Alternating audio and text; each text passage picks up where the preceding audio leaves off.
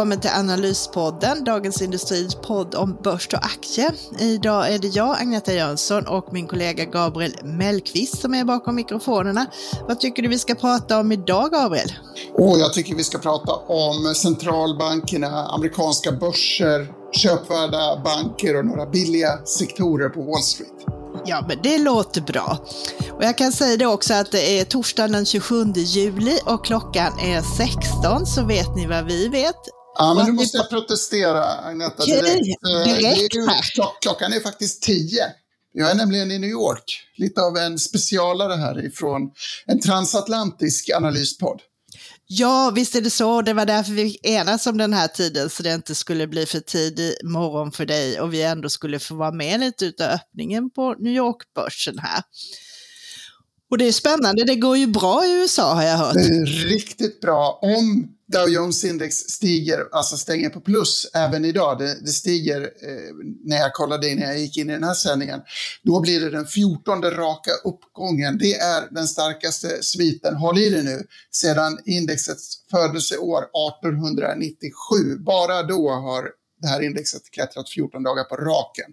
Det du Agneta, det är väl ett rekord att fira med en poddinspelning. Det tycker jag och jag hoppas då att det håller i sig så du har någonting att skriva om det också. Det vore ju jättekul. Verkligen. Hej, Synoptik här. Hos oss får du hjälp med att ta hand om din ögonhälsa. Med vår synundersökning kan vi upptäcka både synförändringar och tecken på vanliga ögonsjukdomar. Boka tid på synoptik.se. Men vi kanske ska börja med de här lite mer tyngre grejerna på makrofronten denna veckan här och då tänker jag på de här eh, räntehöjningarna som dels var det i USA igår kväll och ECB idag som båda höjde sina styrräntor 25 punkter till 5,50 respektive 3,75. Och det var ju väntat men det har ju hänt en del eh, runt det där eh, i alla fall så att säga. Så att eh, du tittade lite närmare på det. Ja, USA var ju inte bara väntat, det var ju dessutom extremt tråkigt. Jerome Powell hade gjort allt, verkar det som, för att han inte skulle bjuda på någon slags överraskning. Eh, väldigt försiktigt upprepade gång på gång att vi väntar inkommande statistik och sen utgår vi från den, vi kan inte säga någonting om framtiden. Trots den tråkiga framtonen så svängde det lite på börsen igår, men framför allt, trots att man har höjt räntan till så mycket, till upp till 5,5 procent, så går ju USA väldigt, väldigt starkt. Vi fick precis en överraskande stark BNP-siffra på 2,4 procent i generaliserad årstakt för andra kvartalet. Om det här hade varit en rapport, Agneta, för den amerikanska ekonomin så vore det ju en bit som slår alla förväntningar. Man kan väl tillägga att konsumenten verkar må bra. Vi har fått konsumentförtroendesiffror i dagarna också. Jag tror att det har att göra med den starka arbetsmarknaden. Nu på torsdag morgonen så fick jag också en veckosiffra, de här med nyanmälda arbetslösa som fortsätter att överraska på nedsidan, alltså färre nyanmälda arbetslösa och en fortsatt ångande stark ekonomi. Det är ju imponerande. Vår kollega Ulf Pettersson skrev ju här nyligen också jämför det här amerikanska Nasdaq, tekniktungt, unga Nasdaq är upp 35 procent, Standard på upp 19 och här hemma så är vårt eh, storbolagsindex upp 7 procent. Och mycket är ju de här starka techaktierna. Hur tycker du det ser ut där efter rapporterna? Jag tycker det ser lite läskigt ut. Innan rapporterna såg det väl lite väl hett ut. Eh, det, det har ju, många aktier har ju drivits av den här AI-hypen, särskilt då Nvidia som har rusat med 211 procent hittills i år. Rapporterna har varit bra, det har inte varit dåliga rapporter skulle jag säga. Däremot har det skett lite av en tillnyktring. Netflix och Tesla var först ut i förra veckan. Det är också två bolag som hade accelererat väldigt, väldigt starkt. Jag tror att eh, Tesla var upp 170 procent inför rapporten. Båda kommer att sjunka ganska mycket efter kvartalsboksluten. Det är väl inte så konstigt när förväntningarna är så otroligt höga. Vi kan väl nämna att det här drabbade svenska Spotify också, som drogs ner efter Netflix och ännu mer efter sin egen rapport.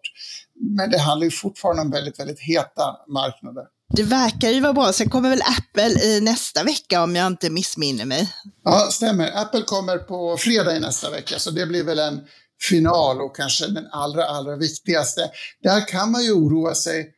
Jag sa tidigare att den amerikanska konsumenten mår bra i humörmätningar. Så är det. Men många rapporter jag tittat på har ändå visat svackande, svaga tendenser när det gäller verkliga köp. Det verkar som att amerikaner tycker att de har det bra, men de avvaktar ändå med att köpa.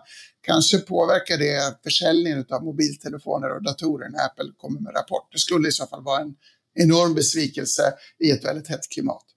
Det återstår då att se här, men du har också observerat ett annat eh, hett fenomen. De här meme stocks är tillbaka igen. Vad är det som händer där? Jag kommer ihåg dem från februari 2021 när vi hade en riktig pandemibubbla och en massa blankade tramsaktier plötsligt snackades upp på internetforum. Den företeelsen verkar vara tillbaka, även om det är några nya meme-aktier som går starkt den här gången. Jag skrev i förra veckan om ett bolag som heter Carvana som jobbar med eh, begagnad bilförsäljning. På senare tid har även AMC, alltså biografoperatören som stod i centrum för den förra hypen tillsammans med GameStop, den aktien har också rusat, liksom ett par ETFer. Det finns ETFer som följer de här aktierna. Då letar man alltså efter aktier som är misstrodda, som har mycket blankat kapital och som man pratar mycket om i sociala medier. Tanken är att aktienördarna på sociala medier tillsammans ska ge sig på blankade aktier och åstadkomma en så kallad short squeeze. Det här funkar rätt ofta. Det är, framförallt tycker jag att det är ett tecken på överhettning, apropå Uffes artikel om Nasdaq, att, att det känns som att vi kanske lever lite grann i en bubbla när den här typen av fenomen kommer tillbaka. Det kan ju vara så. Det är klart, förra gången var det ju många småsparare som tjänade otroligt pengar men också förlorade en del på de här aktierna. Och det gjorde ju också att omsättningen kom upp ganska kraftigt på många av de amerikanska eh, nätmäklarna. Mm. Där det gjordes många affärer och jag tror även på hemmaplan fick ju Avanza och Nordnet lite draghjälp av det här. Eh, det ska bli intressant att se i deras statistik som kommer i nästa vecka över julisiffrorna om svenskarna har dragits med i den här handeln denna gången också. Jag tycker generellt att amerikanska strateger, alltså även de vanliga sansade tråkmånsarna på stora banker, att de börjar bli mer positiva. Det har inte funkat så bra att vara skeptisk till börsen de första sju månaderna på det här året. Så jag tror nog att det kan vara bra att vara nätmäklare. Om vi ändå glider in på banker, innan vi lämnar centralbankerna helt så vill jag nämna, ECB höjde ju idag också, och det var väl också som väntat. De gjorde en liten specialare, de tog bort räntan på minimumreservkravet som förut har legat i linje med styrräntan och nu togs det ner till noll.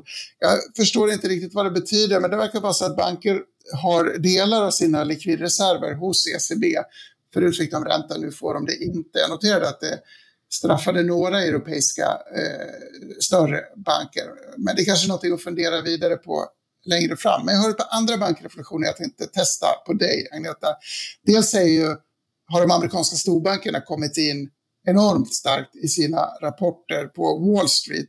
Och dels har de amerikanska nischbankerna, de regionala bankerna, verkar faktiskt hämta sig nu efter en tid av allmän, eh, vad ska man säga, allmän misär eller dåligt självförtroende efter haveriet i Silicon Bank så verkar humöret vara tillbaka lite grann.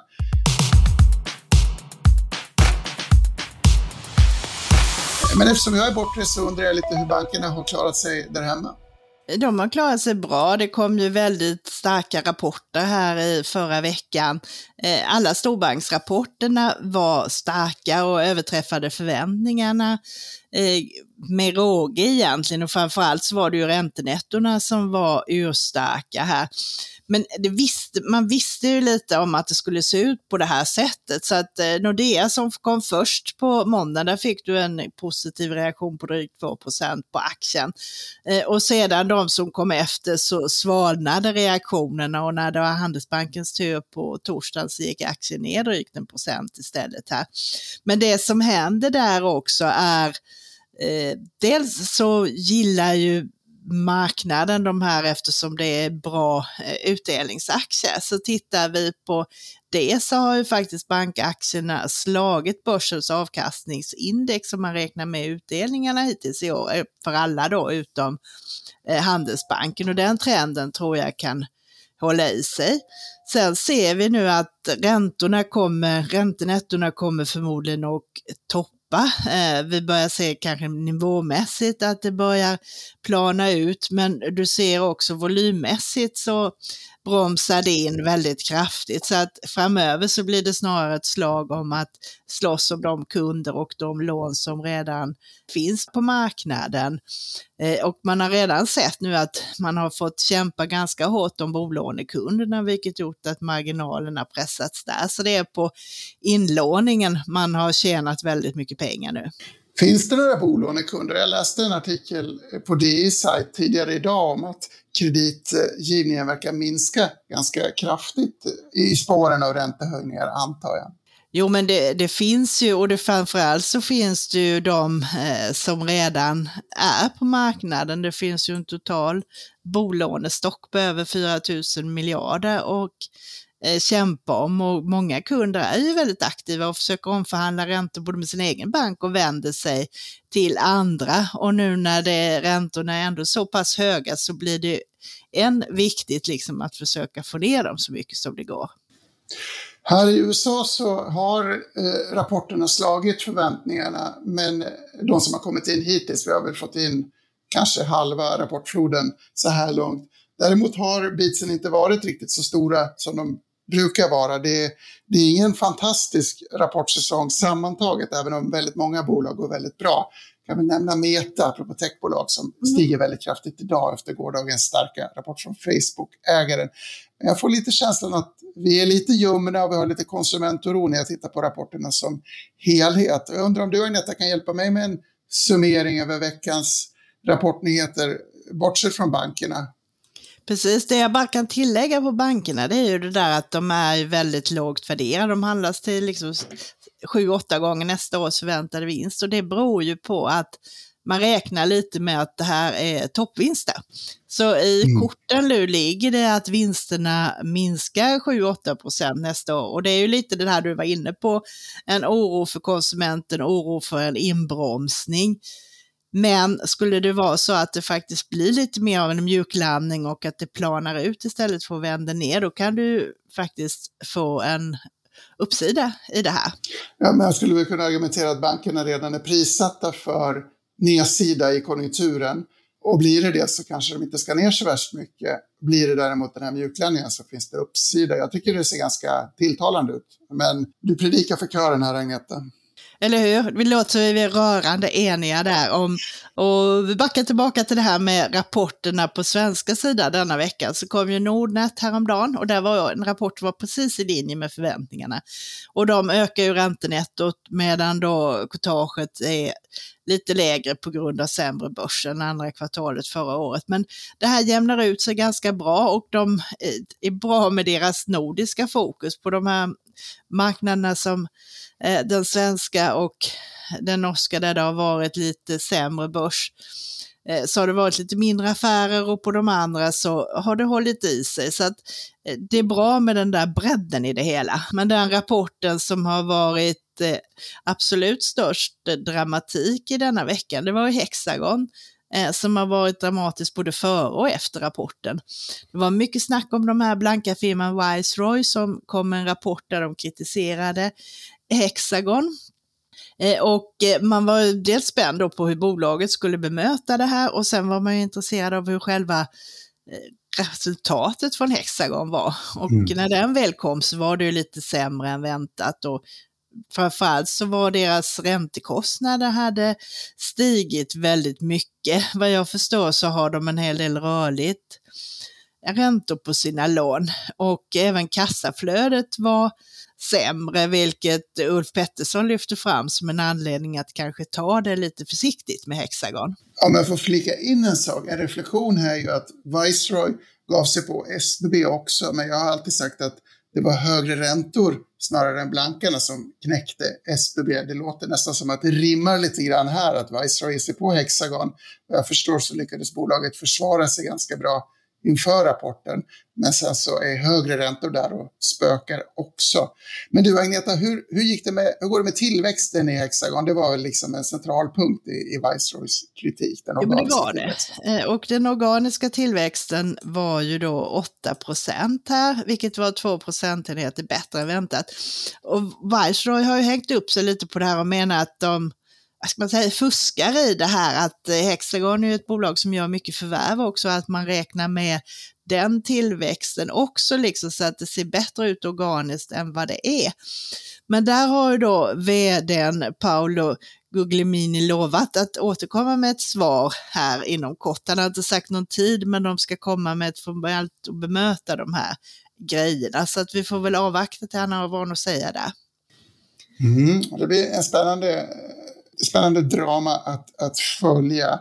Aktien var ner ganska mycket på rapporten ändå. Det var det, den föll ju över 10 procent och det gör ju att den har tappat hela årets uppgång och lite till, så nu är den ner 4 procent hittills i år. Och när det är sådana här stora eh, så ser vi ju också att det blir en del förändringar i analysfirmornas rekommendationer. Så den gick ju ner kraftigt och både DNB och Handelsbanken passade på att höja sina rekommendationer till köp. Men de flesta firmor som jag har sett har sänkt sina riktkurser ett par tio så att säga, men potentialen ligger ju ändå en bit över de här 105 kronorna där aktien är idag.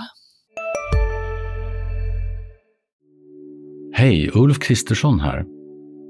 På många sätt är det en mörk tid vi lever i. Men nu tar vi ett stort steg för att göra Sverige till en tryggare och säkrare plats. Sverige är nu medlem i Nato. En för alla, alla för en. Har du också valt att bli egen? Då är det viktigt att skaffa en bra företagsförsäkring. Hos oss är alla småföretag stora och inga frågor för små. Swedeas företagsförsäkring är anpassad för mindre företag och täcker även sånt som din hemförsäkring inte täcker. Gå in på swedea.se företag och jämför själv. Apropå potential, vi ska ju alltid plocka fram ett par köpvärda case här i ja, Analyspodden. Jag tycker det är svårt i de här tiderna att hitta saker att köpa, även om jag tycker att de amerikanska bankerna, särskilt de mindre, ser billiga ut. Men vi ska inte tjata så mycket om, om, om banker tänkte jag, för, för det, det, får du göra så att säga. Jag, jag noterar istället att oljepriset gick upp till 80 dollar per fat idag.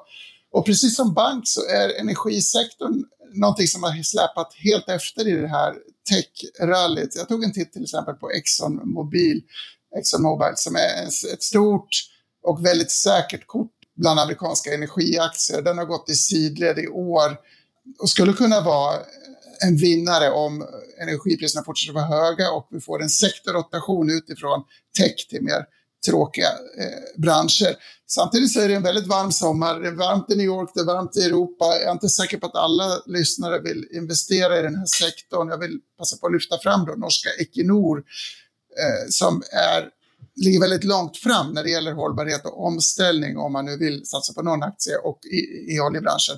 Den har också gått väldigt svagt. Den är ner 20 procent på 12 månader. Den norska kronan har ju också gått illa. Och om jag får slänga in en annan kanske bransch mer än bolag som också hamnat på efterkälken. Så nosar jag lite grann på teleoperatörerna. Alla hatar teleoperatörer. Man hatar teleoperatörer i Sverige och man avskyr dem i USA. Inga analytiker sätter köp på till exempel Verizon där svenska Hans Westberg har varit vd i fem år. Sen han fick jobbet så har den här aktien tappat 30 procent. Det finns många goda skäl till att vara skeptisk här. Det är hög belåning, det är hård konkurrens, de har svårt att fixa någon riktig tillväxt. Men det är också bolag som traditionellt ses som väldigt defensiva. Kursen är väldigt pressad, utdelningen är väldigt hög. Om man är orolig för konjunkturen så skulle man kunna tänka sig att teleoperatörer eh, strukturellt står sig lite bättre i svajigare tider. Så det här blir lite omvänt, ett riskabelt bett i en traditionellt väldigt säker sektor. Ja, men det är ju lite spanings... Den gemensam nämnare är ju att de här har släpat efter och har varit lite out of fashion som man säger nu mm. under ett bra tag här. Eh, och det brukar ju kunna vara så, fortsätter det att vara en hygglig börs här så brukar ju förvaltare och investerare börja leta efter sådana här eftersläntrare. Så det är väl en, en bra strategi att titta lite på sånt.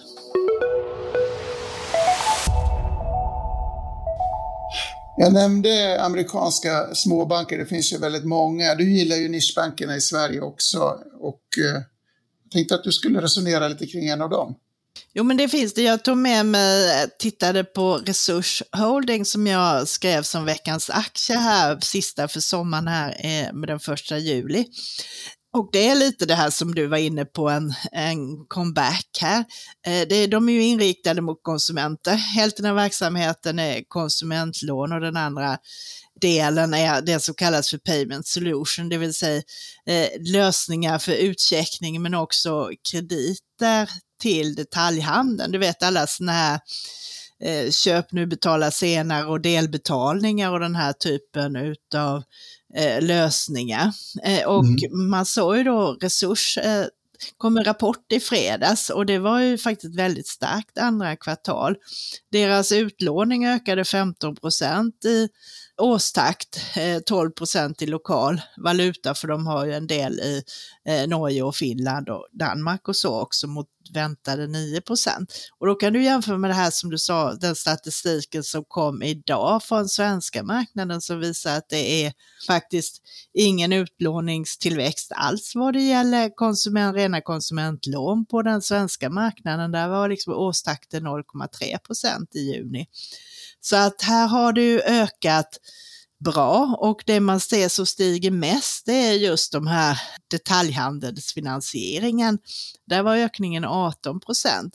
Så jag kan tänka mig att det är en hel del som väljer den typen av lösningar nu när det kanske börjar bli lite tomt på sparkontona och eh, mycket av lönen går ut till andra avgifter så passar man på kanske om man ska köpa ett nytt kylskåp eller någonting sånt där, att man delar upp betalningarna. Och likadant kanske det är en del resor också som eh, finansieras på det här sättet. Man har ju sett det nu att det är väldigt mycket semesterresande den här sommaren. Det, det märks i de amerikanska flygbolagsaktiernas rapporter faktiskt. Amerikanerna reser i alla fall väldigt mycket. Men du, om jag får flika in två frågor Agneta. Du skrev om Resurs som veckans aktie den första juli, minns jag mm. rätt då? Ja. Hur, hur har aktien gått sedan dess? Och den har faktiskt gått bra. Du fick en vändning på det här, så den har gått upp 25 procent, men index har stått stilla. Så att det men känns Agneta, lite kul. vilken homerun, grattis! Eller hur, nu ska det hålla i sig ett helt år i och för sig, men det är ju en bra början i alla fall. Men du, pessimisten Gabriel Mellqvist tänker ju direkt på kreditförluster. Hur, hur var de i rapporten? Hur resonerar du kring kreditförluster i ett mjukare konjunkturläge framåt? Det är så här att den typen av banker liksom som jobbar med mycket konsumentkrediter, de har högre kreditförluster än de stora naturligtvis. Och det ligger liksom, brukar ligga mellan 2 och 3 procent ungefär. Eh, det var uppe i 3 procent första kvartalet och då blev alla lite oroliga och det var det som skickade ner aktien då. Men samtidigt sa de att de såg lite förbättringar i slutet av kvartalet och sådär. Så att eh, nu kom det ner lite så den ligger på 2,8 och eh, för ett år så var det 2,1, så lite ökning men inte jättemycket. Och de är ju naturligtvis medvetna om det här så de är ju också väldigt eh, greja mycket med det här och är försiktiga i sin utlåning eh, och när de beviljar krediter. Och en grej som är värt att nämna i det där eh, också, det är att man håller på och eh, införa ett helt nytt, man har investerat eh, ungefär en halv miljard i ett, som man säger, ett nytt kärnbanksystem eh, där som är mer då sådär, kunderna kan sköta sina grejer själva. Men man har också jobbat mycket med digitalisering överlag, bland annat liksom AI som hjälper till med kreditbedömningar och sådana här saker. Så att...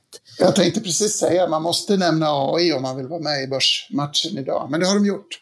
Eller hur? Och det är ju, jag menar de som är duktiga på det här, de tittar ju mycket på historisk data, du kan jämföra kunders beteende med varandra och sånt där. Att, och det är ju en bra verktyg när du jobbar med eh, sådana här saker. Så att det känns som det är lite eh, på väg åt rätt håll och alla de här grejerna är ju också tänkta att de ska göra banken effektivare och sänka kostnaderna.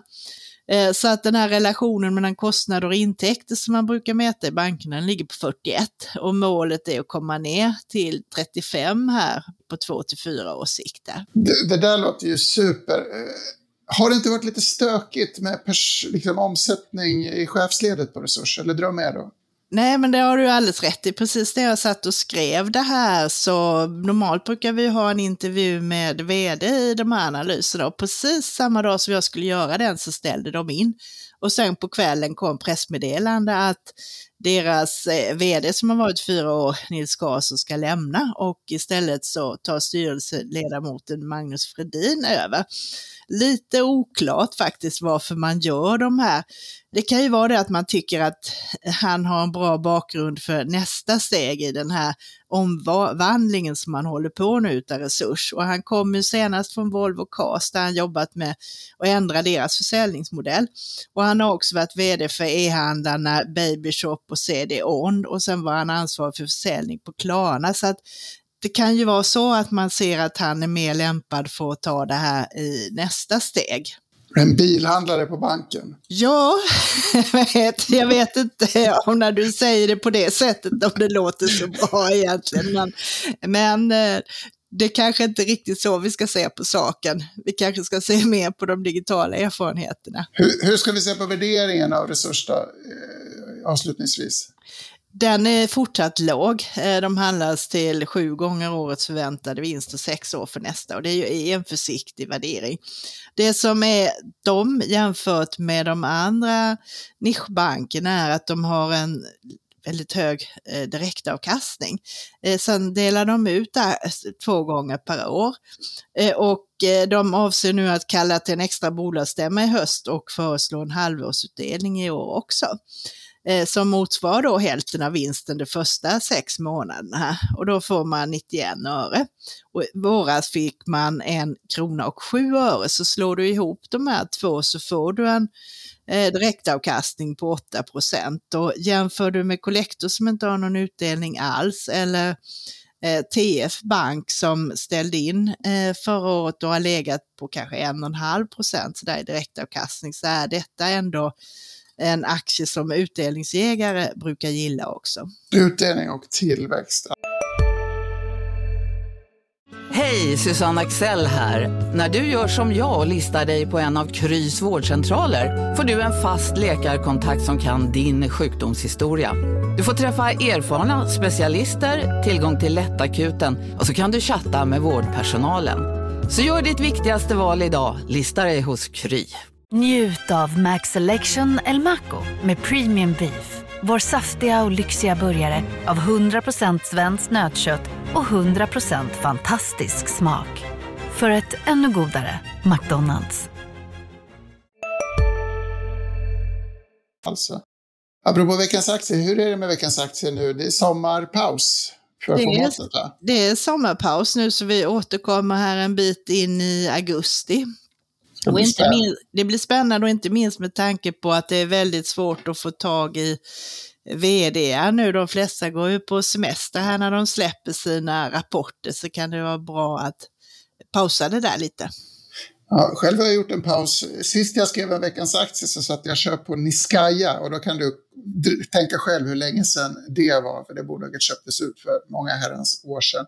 Eh, inte mitt format, men mitt favoritformat att läsa om och prata om förstås i, DTV. tv. Hörru, vad händer nästa vecka, Agneta?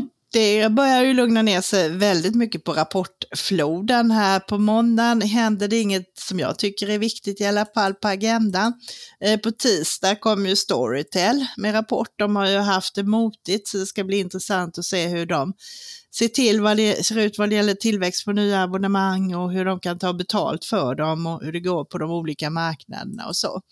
Och sen är det första vardagen i augusti, vilket innebär att man får då industri-PMI i Sverige och USA och de flesta stora marknaderna. Eh, och sen hade du några spaningar där också. På tisdag har jag massa saker i kalendern. Dels har vi Merck och Pfizer. Apropå de här sektorerna som inte riktigt har hängt med i rallyt så tycker jag att hälsovård är en intressant eh, sådan. Särskilt om man är orolig för konjunkturen som sagt. Glöm inte Caterpillar som kommer med rapport på, på tisdag. Inget annat än en klassisk eh, konjunkturindikator att hålla koll på. Vi fortsätter till onsdag, På onsdag så kommer det ett bolag som också är lite eftersatt, det är Lundin Mining och de kommer ju sent på kvällen eftersom de är noterade på Torontobörsen. så det är först när de har stängt där också. Vi kan slänga in lite mer hälsovård på onsdag. Vi har Novo Nordisk eh, i, i Köpenhamn. Får inte tala om Ferrari bland lyxaktierna i Italien. Det blir intressant att se hur den försäljningen har stått sig här. Och sen har vi på torsdag kommer då som jag nämnde då Avanza och Nordnet med månadsstatistik för juli och sen får vi då inköpschefsindex från tjänstesektorn eh, runt om i världen och Sverige och USA också då naturligtvis här. Och så på torsdag, nu ska vi se, jag tror att jag sa fredag tidigare i sändningen, jag har skrivit upp Apple, Amazon och Alibaba på torsdag. Däremot är det på torsdag efter stängning som techaktierna kommer. Det blir en, jätte, en märkeshändelse att hålla koll på, på Wall Street i nästa vecka. Så får vi lite arbetsmarknadsstatistik. Eh, Non-farm payrolls kommer väl dagen efter, apropå månadsskiften som jag ska bli bättre att hålla koll på, så är det i alla fall den första fredagen i månaden och då får vi jobbsiffror i månadsform. Du har skrivit upp lite prognoser här. 184 000 som är förväntningar mot 209 000 förra månaden. Stämmer Precis, så man väntar sig en liten avmattning där. Eh, sen kan ju de förväntningarna ändras för att alla analytiker håller på att titta på det där löpande. Men som läget är nu i alla fall en liten avmattning. Däremot väntas arbetslösheten ligga kvar på 3,6 procent den här månaden också. Mm, eh, rubriken är ju att vi har en otrolig motståndskraft i alla fall för amerikanska arbetslösa, eller på amerikanska amerikansk arbetsmarknad. Eh, på den arbetsmarknaden är Warren Buffett och Charlie Munger fortfarande verksamma trots att de är lite äldre. De kommer med rapport också, Berkshire Hathaway, på fredag. Oraklen från Omaha talar ut då. Och på fredag är väl DS Analyspodden tillbaka gissar jag Agneta, stämmer det? Det stämmer bra. Eh, och med det tycker jag faktiskt att vi tackar för idag här.